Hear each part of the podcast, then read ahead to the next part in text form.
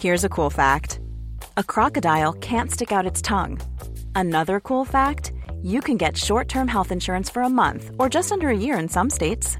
United Healthcare short term insurance plans are designed for people who are between jobs, coming off their parents' plan, or turning a side hustle into a full time gig. Underwritten by Golden Rule Insurance Company, they offer flexible, budget friendly coverage with access to a nationwide network of doctors and hospitals. Get more cool facts about United Healthcare short term plans at uh1.com. Hey, it's Danny Pellegrino from Everything Iconic. Ready to upgrade your style game without blowing your budget? Check out Quince. They've got all the good stuff shirts and polos, activewear, and fine leather goods, all at 50 to 80% less than other high end brands. And the best part? They're all about safe, ethical, and responsible manufacturing. Get that luxury vibe without the luxury price tag.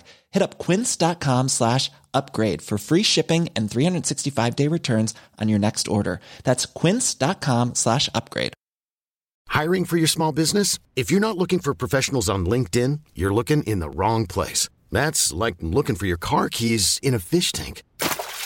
LinkedIn helps you hire professionals you can't find anywhere else, even those who aren't actively searching for a new job but might be open to the perfect role. In a given month, over 70% of LinkedIn users don't even visit other leading job sites. So start looking in the right place. With LinkedIn, you can hire professionals like a professional. Post your free job on linkedin.com slash achieve today. I teorin är det så himla lätt att bestämma hur man ska sköta sin ekonomi. Men det är klart knepigare att följa planen i verkligheten. Shopping, spel eller helt enkelt bara vardagen kan sätta käppar i hjulet. Hur blir man sitt privatekonomiska jag 2.0? Du lyssnar på Smarta Cash med mig Isabella Amadi.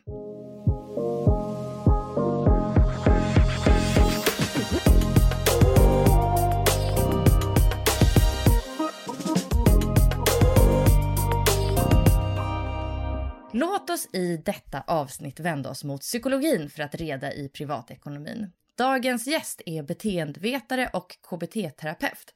En stjärna som hjälpt många i deras personliga utveckling. Manda Rydberg, välkommen hit! Tack! Åh, oh, vilken härlig introduktion! ja, men det är så härligt att, att ha dig här. Att jag får vara en stjärna? Ja, men gud, verkligen. Alltså, kan inte du börja med att berätta lite om vad det är du gör? Ja, ehm, jag jobbar utifrån evidensbaserade strategier eh, och hjälper individer och grupper att uppnå förändring. Ehm, och sen så gillar jag, så jag älskar, eh, jag älskar helt enkelt förändring och jag försöker sprida så mycket som möjligt ehm, kring just hur vår hjärna fungerar och hur vi på bästa sätt kan uppnå förändring. Och det gör jag via artiklar, eh, ja, men som nu poddavsnitt eh, eller workshops men framförallt eh, individ, alltså individuella sessioner. Mm -hmm. Ja okej, okay, spännande. Men vad är det för typ av människor du brukar hjälpa? Um, jag skulle säga att det, jag jobbar ju väldigt mycket inom företagshälsovården uh, och konsultar där. Så, och generellt sett, jag tror ju att man kanske attraherar eh, det man själv är. Jag har många högpresterande eh, individer som kommer till mig eh, och som är redo att, eh, att jobba liksom, aktivt med en förändring. Så. De är väldigt motiverade, eh, vilket gör det jättekul. Ja, men det är ju ja, det är ju liksom första steget, att bestämma sig kanske för att man vill göra något, eller? Ja, absolut. Det är, jag skulle säga medvetenhet är det största och eh, första steget i förändring. För vi kan ju inte förändra det vi inte ser. Mm. Och idag ska vi ju prata då om eh, privatekonomin och hur vi liksom gör oss själv till bättre med våra pengar. Alltså hur skulle du säga att eh, pengar påverkar oss människor? Ja, alltså på så många olika sätt. Eh, dels det, kan det vara motivationshöjande. Eh, det är trygghetsskapande. Eh, det kan ju både aktivera adrenalin och stress inom oss men också eh, jag tänker dopamin och belöning. Så. Eh, vår relation till pengar generellt sett ser jag som väldigt individuell och att den är färgad av våra uppväxtförhållanden. Så hur, eh, vad ska man säga, hur har våra föräldrar hanterat pengar? Hur har de sett på pengar? eh, vad, vad, man kan säga, vad har vi fått med oss för program kring pengar? Eh, och också så är pengar väldigt kopplat till vår självbild också. Alltså hur vi hanterar pengar eh, kan man se, skulle jag säga, en direkt korrelation till vår självbild. Just det, att man liksom eh, identifierar sig som en viss typ av, att man är sparsam eller att man är slösig eller att man är duktig om man har en hög lön eller dålig om man har en låg. Är det lite så då? Ja, och också att till exempel om jag har en bristande självbild så kan jag kompensera med pengar. Mm -hmm. Ja, oj, det har man sett. Det har man sett. ja, eller att jag känner att jag kanske, det finns ju olika sätt man kan ju vara eh, undvikande eller överkompenserande. Så, ja, det som strategi, men med samma, eh, men med samma typ av självbild. Så om jag till exempel känner att, att jag har ett grundantagande av att vara värdelös, eh, då kan jag gå in i ett, ett undvikande.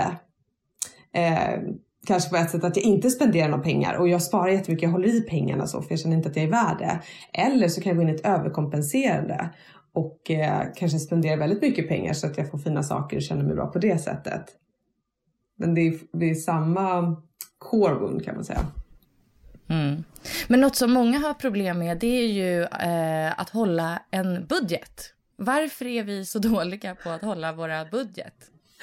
Ja, så jag vet inte, är vi det? Eller är det eh, jag vet inte om jag ska säga att alla är det, utan att det kanske är att vissa är bättre än andra på att hålla budget. Ehm, men jag tror att en del av det är kopplat till temperament också. Och hur pass impulsstyrda vi är. Så. Ehm, men psykologiskt sett så kan man säga att vår hjärna tenderar att prioritera kortsiktig belöning framför långsiktiga mål. Och det är det som kan ställa till det lite när vi har en budget. Mm.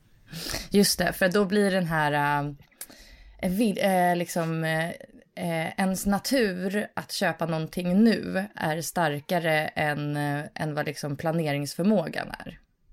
Ja, alltså jag vill jättegärna ha ehm, jag vill jättegärna ha den här saken nu, eh, men samtidigt så vill jag väldigt gärna åka på semester om en månad. Så. Eh, så att, att kunna avstå från någonting i nuet och kunna möta det kortsiktiga obehaget av det för att få den långsiktiga belöningen eh, är ju kanske den största vad ska man säga, motorn i förändring. Att kunna, att kunna behärska det. Det är övning. Det är övning. Alltså, hur, hur övar man på det? Ja, genom att alltså göra det så ofta som möjligt i stort och smått. Eh, vår hjärna lär sig det som repeteras. Eh, så desto oftare vi övar någonting desto bättre blir det på det. Eh, så även i små saker som att, att det kan vara obehagligt att ta ett, eh, en konversation. Men på lång sikt så blir det ett gott resultat i relationen med den personen som man ska ta konversationen med. Att liksom hela tiden orka stå i det kortsiktiga obehaget. Det är en mm. konst. Just det. Säga, säga nej till sig själv och sina liksom, impulsköp. Ja, alltså eller medvetandegöra dem. Så att man vet, du får göra vad du vill, vi är vuxna människor. Det liksom, men, men bara gör dig medveten om att, att äh, agerar jag nu på impuls. Det är ju första sättet att stoppa impulsen. För ofta så, det blir ju reflex nästan. Mm. Mm. Men det är ju väldigt kul att spendera pengar också. Varför är det det? Ja, alltså Ja, där tror jag igen att jag är inte är säker på om alla känner så. Eh, utan att det kan vara så att, för att vissa får ju ångest av att spendera eh, också. Eh, men jag tror att, för att man kan ju få ångest av det för att det kan skapa en otrygghet eller en känsla av en otrygghet. Eh, men generellt sett ehm, generellt sett så tror jag att vi går mer igång på tanken att vi kan spendera. Och att vi har möjlighet att spendera snarare än själva spenderandet. Vad tänker du? Mm. Eh, alltså, jag tänker ju spontant att jag tror att det handlar lite också om eh, hur medvet medveten man är om sin ekonomi samt personligheten. Till exempel, jag känner mig som en ganska sparsam eh, person och ju mer jag har hållit på med den här podden desto jobbigare tycker jag det är att spendera pengar. Så mm. för mig att lägga ut pengar nu på någonting som inte är ett behov, det mm. får jag mm. ångest av. Alltså alla de här eh, extra sakerna de vill jag inte köpa längre. Eh, nu vill jag bara liksom jag vill, jag vill bara köpa typ billiga bönor, kläder second hand, jag vill bara göra extremt liksom smarta saker. Och om jag helt plötsligt vill ha någonting utöver det, då blir det verkligen så där stopplyse i min, i min kropp. Men så intressant. Hur, hur skiljer du på behov och inte behov? Åh oh, gud, du är så psykolog. Nu vänder du på hela podden. Så att du börjar fråga om mig istället.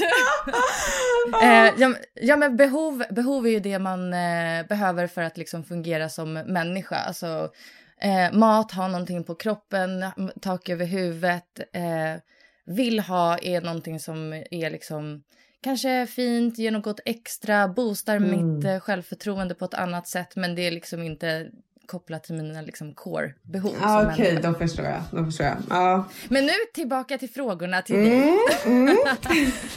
Men alltså är det vanligt att man får problem med pengar? Eh, när man mår dåligt till exempel, eller att man mår dåligt när man får problem med pengar? Ja, alltså jag personligen har liksom inte satt mig in i den forskningen, eh, ska jag erkänna. Men, men generellt sett när vi mår dåligt så Ehm, kan det ju bli utmanande att ta hand om det världsliga. Så. Ehm, men samtidigt så kan det också vara så att vi använder pengar som en strategi när vi mår dåligt. Um, till exempel om man känner att man inte har kontroll över sitt kärleksliv eller att relationer faller samman eller liksom att, det blir, att man handskas med någonting utmanande i den delen av sitt liv. Då kan man ju gå in och överkompensera fokusera överdrivet på sin karriär till exempel och skapa trygghet eller en känsla av trygghet på det sättet att ja, men om jag har mitt på det torra där så, eh, så, så känns det lättare att hantera osäkerheten och otryggheten i relationen till exempel. Eh, och som vi pratade om det här med låg självkänsla också, att man omedvetet kan må dåligt av det, men istället överkompensera de jobbiga känslorna genom fokus på pengar på olika sätt. Mm. Men kan det då vara liksom en hjälp att försöka eh, styra upp sin ekonomi lite som i ett led att, att må bättre? Alltså att fixa lite ordning på finanserna så att man har eh, kraft att ta tag i det andra? Jag tror alltid det är bra att ha ordning och reda liksom på något sätt eh, kring sig eh, med de här med just basbehoven som Ehm, ja, men ekonomi är ju ändå ett sånt basbehov skulle jag säga där vi eh, som skapar lugn och trygghet om vi känner att vi har kontroll. Eh, och hjärnans, en av hjärnans liksom grundinställningar är ju att förespråka att skydda. Ehm, och där tänker jag att pengar spelar en stor del i det också. Att vi kan förespå framtid och vår ekonomi och, och ehm, ja, skapa trygghet och lugn såklart. Eh, jag har formulerat tre stycken olika scenarion eh, som är kopplade till eh, privatekonomi och ens eh, beteende som jag tänkte att du skulle kunna få hjälpa till att lösa dem. Är du redo? Hit me. Okej, okay. scenario nummer ett då. En person har stora skulder men har väldigt svårt att inse allvaret och ta tag i det. Varför är det så och hur kan man ändra inställningen? Mm. Ja, alltså stora skulder leder ju lätt till hopplöshetskänslor. Um, och det dämpar ju motivationen till att agera. Um, för då, känns, då kan det kännas som att vårt agerande inte kommer spela någon roll. För det vi står inför är för stort. Um, och det kan ju också bli så att skulderna blir, att det, att det nästan blir abstrakt. Så att det inte är någonting som vi riktigt kan relatera till och att det blir så jobbigt så att vi skjuter bort det. Um, det är bara siffror på ett papper, lite så. Ja, ja. Och då blir det, det blir lätt så att vi, det blir så tungt så att vi skapar ett emotionellt skydd kan man säga. Um, och då stänger vi av. Och då blir det ännu mer abstrakt också om vi inte är i kontakt. Um, så att vi, om vi stänger av så slipper vi känna um, det, det tunga som vi står inför. Och så känns det återigen det här kortsiktigt långsiktigt. Det känns bra för stunden. Men det ju, kan ju verkligen också göra att vi fortsätter att spendera. Vilket förstärker den situationen som vi egentligen vill komma ifrån. Eh, och vilket långsiktigt skapar ännu mer obehagskänslor. Som till exempel värdelöshet, skam, rädsla, oro och så vidare. Jag skulle säga att eh, eh, alltså definitionen av stress också är ju att man står inför någonting som man inte känner att man har resurserna att hantera. Och det är väl väldigt ofta så det är om man står inför stora skulder. Och då behöver vi se, okej okay, hur kan jag få resurser till det här? Och då säger jag liksom ta hjälp. Gör en plan. Eh, skapa delmål. Och var beredd på att stå i det kortsiktiga obehaget. Till exempel kanske man måste ändra sin livsstil under en period för att få ett, nå det här långsiktiga målet av att må bättre och att, eh, ja, att må bättre egentligen. Allting handlar ju om det i slutet av dagen, hur vi mår, hur vi känner. Mm. mm. Just det. Ja, för det är ju väldigt vanligt när man har skulder och så, alltså som jag har intervjuat personer och man läser om personer, det är just det här, man slutar öppna breven, mm. man lägger undan det, stoppar lite huvudet i sanden, fortsätter bara att leva på. Men alltså vad tror du krävs alltså för att eh, den här, just den här gnistan att eh, ändra sig? Vad består den av liksom? Ja, eh, det kan jag faktiskt inte säga. Ibland så måste man ju, eh, ibland måste det bli värre innan det blir bättre. Eh, så. Och, eh, men jag tror att gnistan tänds av att man upp, upplever att man får eh, att man går i rätt riktning. Så man kan inte riktigt sitta och vänta på gnistan utan det är det jag menar med att ta hjälp. För man, till exempel, man kan ju få hjälp med en av en terapeut. Eh, det behöver ju inte vara just en sparekonom. Man kan ju ta hjälp ta all hjälp liksom du kan få. Så.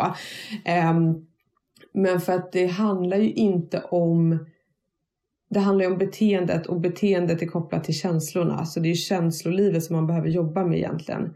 Eh, gnistan kommer när man skapar momentum. Så. Eh, och eh, det är lättare att skapa om man får hjälp. Det handlar om att möta de jobbiga känslorna som man undviker. Eh, Okej, okay. scenario nummer två då. Eh, en, per en person shoppar hysteriskt mycket. Så varför blir man shoppingberoende och hur botar man det? Mm. Um, jättevanligt tror jag idag faktiskt. Um, när online shopping bara är ett klick bort också. Uh, så otroligt tillgängligt och shopping kan precis som alla andra beroenden um, ses som ett sätt att känsloreglera. Det är grunden skulle jag säga i, alltså som utgör beroenden också. Ehm, alltså att, ja, alltså att minska på jobbiga känslor. Um, och känslotillstånd som till exempel är sorg, tomhet, att man är ledsen, att man känner skam, oro, värdelöshet, um, tankar om misslyckanden och så vidare.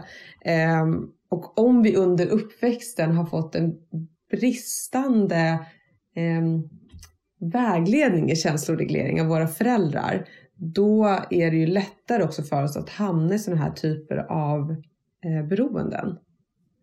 Och det är inte, jag vill aldrig skuldbelägga någons föräldrar eller så. Eh, för det är ofta så att om vi har föräldrar som har brist i känsloreglering så är det ju för att deras föräldrar har brustit i det och så vidare. Och det är ju ofta väldigt mycket en generationsfråga vi börjar bli mycket bättre på det tycker jag eh, än vad kanske tidigare generationer för nu finns det annan typ av forskning, det är annan typ av eh, konversation kring det. Men eh, känsloreglering är hur vi, hur vi hanterar våra känslor och reglerar dem, alltså möter våra behov eh, och lyckas ta oss till balans igen. Ehm, och många beroenden gör ju att vi kortsiktigt upplever en kontroll eller en dämpning i jobbiga känslor, ett lugn eller en trygghet eller vad det nu kan vara. Ehm, men på lång sikt så förstärks det i och med att vi inte möter det på riktigt. Ehm, det kan till exempel vara att man har haft föräldrar som har varit, de kanske varit, alltså det handlar inte om att inte vara kärleksfull så utan föräldrar, våra föräldrar kan ha varit jättekärleksfulla och eh, sympatiska men kanske inte empatiska i samma utsträckning. Eh, man kanske inte har pratat om känslor, inte visat känslor så mycket. Man kanske sopat saker under mattan. Men det, det där tar vi sen, eller det pratar man. Det, jag, jag hör jätteofta hos klienter kommer och säger att eh, känslor pratar vi inte om i min familj. Så, men jag har haft allt det andra, allt det materiella funnits. Så. Så då kan, som i det här fallet, då, shopping bli som ett plåster på det hela. Men hur botar man själva åkomman då, om man nu ska våga sig in där? Ja, det tycker jag absolut man ska och det är eh, som tidigare att ta hjälp eh, och att börja möta när man känner impulsen av att man vill köpa någonting. Möta, eh, möta de känslorna. Vad är det jag känner nu egentligen? Vad är det jag behöver nu? Eh, och, och det är ju lättare att göra med hjälp från till exempel en terapeut. Men det är det att, att börja bli nyfiken. Gud, vad, vad är det som händer nu med mig? Och också stoppa impulsen. Att bara agera. Och, så, och det är ju vi som är lök, det är lager på lager. Man, det, är, det är inte någonting man gör över en kväll så när man är inne på Zalando utan det kommer ta tid. Eh, men det är ett väldigt, väldigt spännande, det är ett spännande arbete om man, är, om man eh, tar sig an det. Mm. Och samma där, att man får vara beredd på att det gör lite ont i stunden. Ja, för att annars hade man inte eh, annars hade man inte undvikit det via shopping. Mm. Och det finns ju också lite så tekniska hjälpmedel, vad man ska säga. Man kan ju spärra sig också hos sådana här eh, olika klädkedjor om det är där man handlar eller ja, mm. eh, onlinehandlar och sånt. Så det är ju väldigt bra. Men ska vi gå till scenario nummer tre nu? Ja. Då har vi en person som är spelberoende och eh, gör av med alldeles för mycket på nätkasinon. Det är också lite sådär beroendeproblematik antar jag. Alltså hur tar man sig ur den här fällan som är ett växande samhällsproblem? Mm. Um, dels genom att förstå tror jag hur belöningssystemet fungerar. Det är väldigt spännande med spelberoende. Um, vid ett spelberoende som med många andra beroende så är ju belöningssystemet kapat så att säga. Och vi får en kick av dopamin, av belöning. Det som är så otroligt intressant är med, eh, med spelberoende är att vi, vi kan få, alltså vi får kickar vid nästan vinster. Alltså när vi tror, när hjärnan tror att den är på väg att vinna. Och det är ju väldigt, det är ju ett klassiskt scenario vid nätkasinon. De är ju uppbyggda så. Och det gör att det, det skapar en, en falsk, eh, alltså nästan vinster som egentligen är vanliga förluster skapar en falsk inlärning i hjärnan där man luras um, i att man faktiskt håller på att förbättra sin förmåga till att vinna, att man är närmre. Eh, så att det gör att vi kan minnas den här förlusten som en vinst. Jag menar, det är mindblowing tycker jag. Det där, det där, är, det där, ja, det där låter ju extremt lurigt. Och då ja. känner man ju att de här som driver nätkurserna, de har ju 100% koll på psykologin bakom det. Och man själv blir bara som en liksom hamster som springer runt i hjulet och agerar på deras eh, morötter. Ja, det blir jättelätt att fastna i nätkasinon eh, av den anledningen. Och, och samma sak med eh, som med shopping, att det är ett klick bort. Och också att det är ett klick bort när, när vi kanske är ensamma när vi inte har någon som kan stötta oss eller bolla eller trösta eller vara där för oss som vi hade behövt och som vi kanske inte förmågan, har förmågan att vara för oss själva ännu. Då finns ju de här strategierna så himla nära idag. Så det är också lite så känsloreglering? Allt är känsloreglering.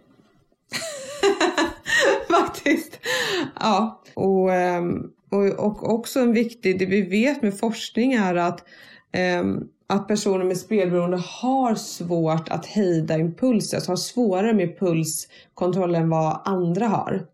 Men man vet inte riktigt vad som är hönan eller ägget här.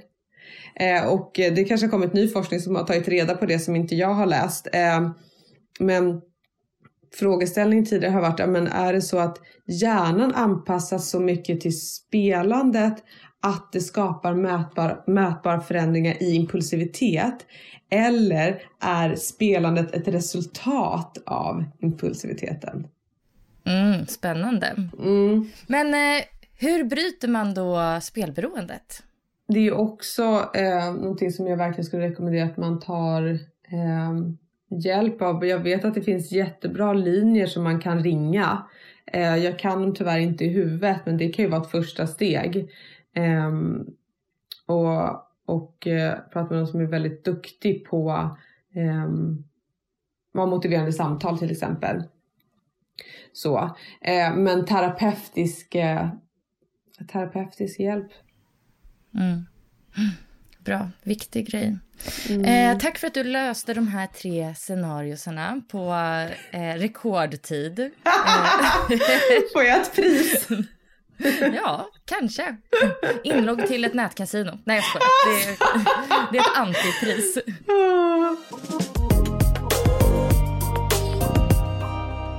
Men generellt, man kanske inte har någon av de här problemen. Alltså om man tittar generellt på människor, eh, hur förändrar man sin inställning till privatekonomi så att man kan förbättra den?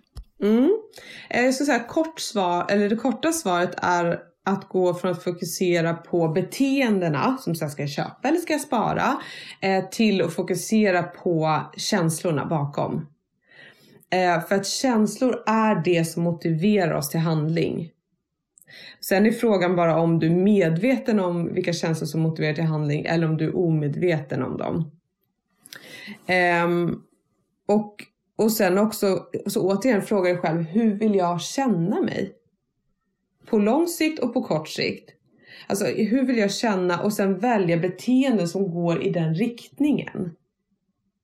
Snarare. Är och med att man tar en liten ett, en annan approach. Um, och så för personligen så tror inte jag på så strikta regler.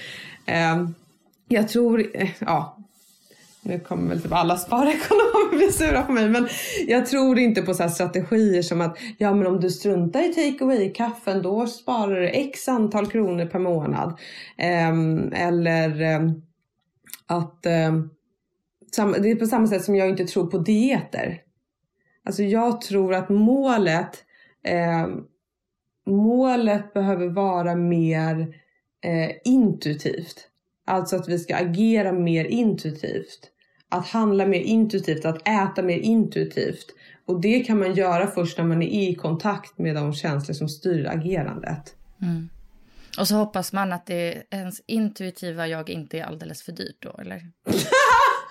Mitt intuitiva jag är så dyrt! Nej men jag tror... Ja, gud. Nej, men jag bara menar att eh, liksom, vi är egentligen i balans. Är det mer Så här, vår kropp, allt vår kropp gör är för att komma i balans igen. Det är det som är typ funktionen av vår kropp i stort sett för att överleva och vara i balans. Så att, så att um, jag tror inte bara på strikta regler men men med det sagt så nu alla som köper takeaway kaffe varje dag ska inte tänka Amanda har sagt att det är okej okay, för det, det är inte så jag menar utan ja.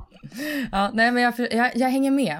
Eh, men liksom, vilka delar då är bra att liksom stabilisera för att ge sig själv en liksom god grund att ha ett eh, att ha, liksom, ha bra privatekonomi? Är det det här då liksom mycket bättre självkänsla, bättre självförtroende eller?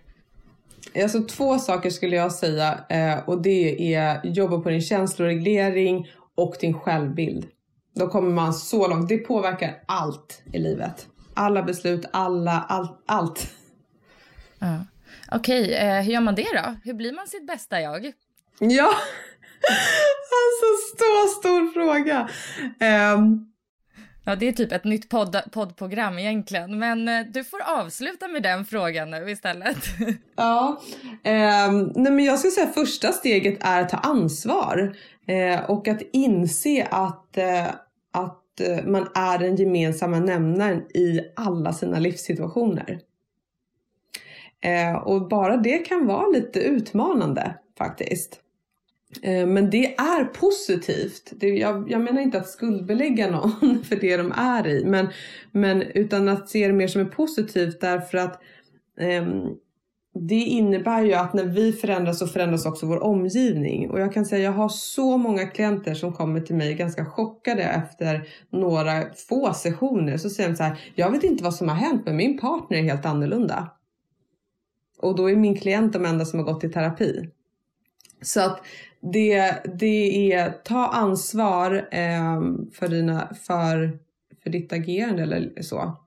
Eh, och sen eh, genom, som vi har pratat om, som jag hoppas att om man ska ta med sig någonting från, från den här podden, är liksom genomsyrat mina svar, är att göra utrymme för sina känslor och behov. Eh, känslor är inte någonting irrationellt och jobbigt som vi ska undvika och så ska vi bara fokusera på eh, intellektet. Det är inte så vår hjärna fungerar. Eh, känslor motiverar våra handlingar och är budbärare av behov och är de, alltså känslor bär på data, bär på information till oss.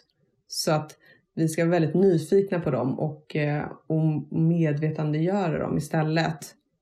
För då blir man definitivt sitt bästa jag. Mm. Nästan där då. Nej, jag skojar. Men stort tack för all, all den här insikten, Manda. Det var eh, fantastiskt att få ha dig här. Tack snälla, tack för att jag fick, eh, fick dela eh, det jag tror på. Ja. Eh, och om man vill komma i kontakt med dig eller följa dig på sociala medier, hur hittar man dig då? Ja, jag försöker sprida dagliga KBT-strategier på min Instagram som är Manda Rydberg.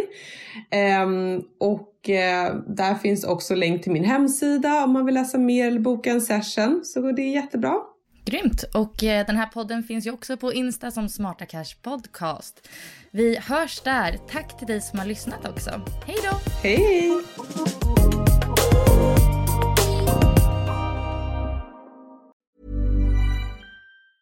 Even when we're on a budget, we still deserve nice things. Quince is a place to scoop up stunning high-end goods for 50 to 80% less than similar brands. They have buttery soft cashmere sweaters starting at $50, luxurious Italian leather bags, and so much more. Plus, Quince only works with factories that use safe, ethical, and responsible manufacturing. Get the high-end goods you'll love without the high price tag with Quince. Go to quince.com/style for free shipping and 365-day returns. Planning for your next trip? Elevate your travel style with Quince. Quince has all the jet-setting essentials you'll want for your next getaway, like European linen, premium luggage options, buttery soft Italian leather bags, and so much more. And is all priced at 50 to 80% less than similar brands. Plus, Quince only works with factories that use safe and ethical manufacturing practices. Pack your bags with high-quality essentials you'll be wearing for vacations to come with Quince. Go to quince.com/pack for free shipping and 365-day returns. Imagine the softest sheets you've ever felt. Now imagine them getting even softer over time. That's what you'll feel with Bowl and Branch's organic cotton sheets. In a recent customer survey, 96% replied that Bowl and Branch sheets get softer with every wash. Start getting your best night's sleep in these sheets that get softer and softer for years to come. Try their sheets with a 30-night guarantee. Plus, get 15% off your first order at bowlandbranch.com. Code BUTTERY. Exclusions apply. See site for details.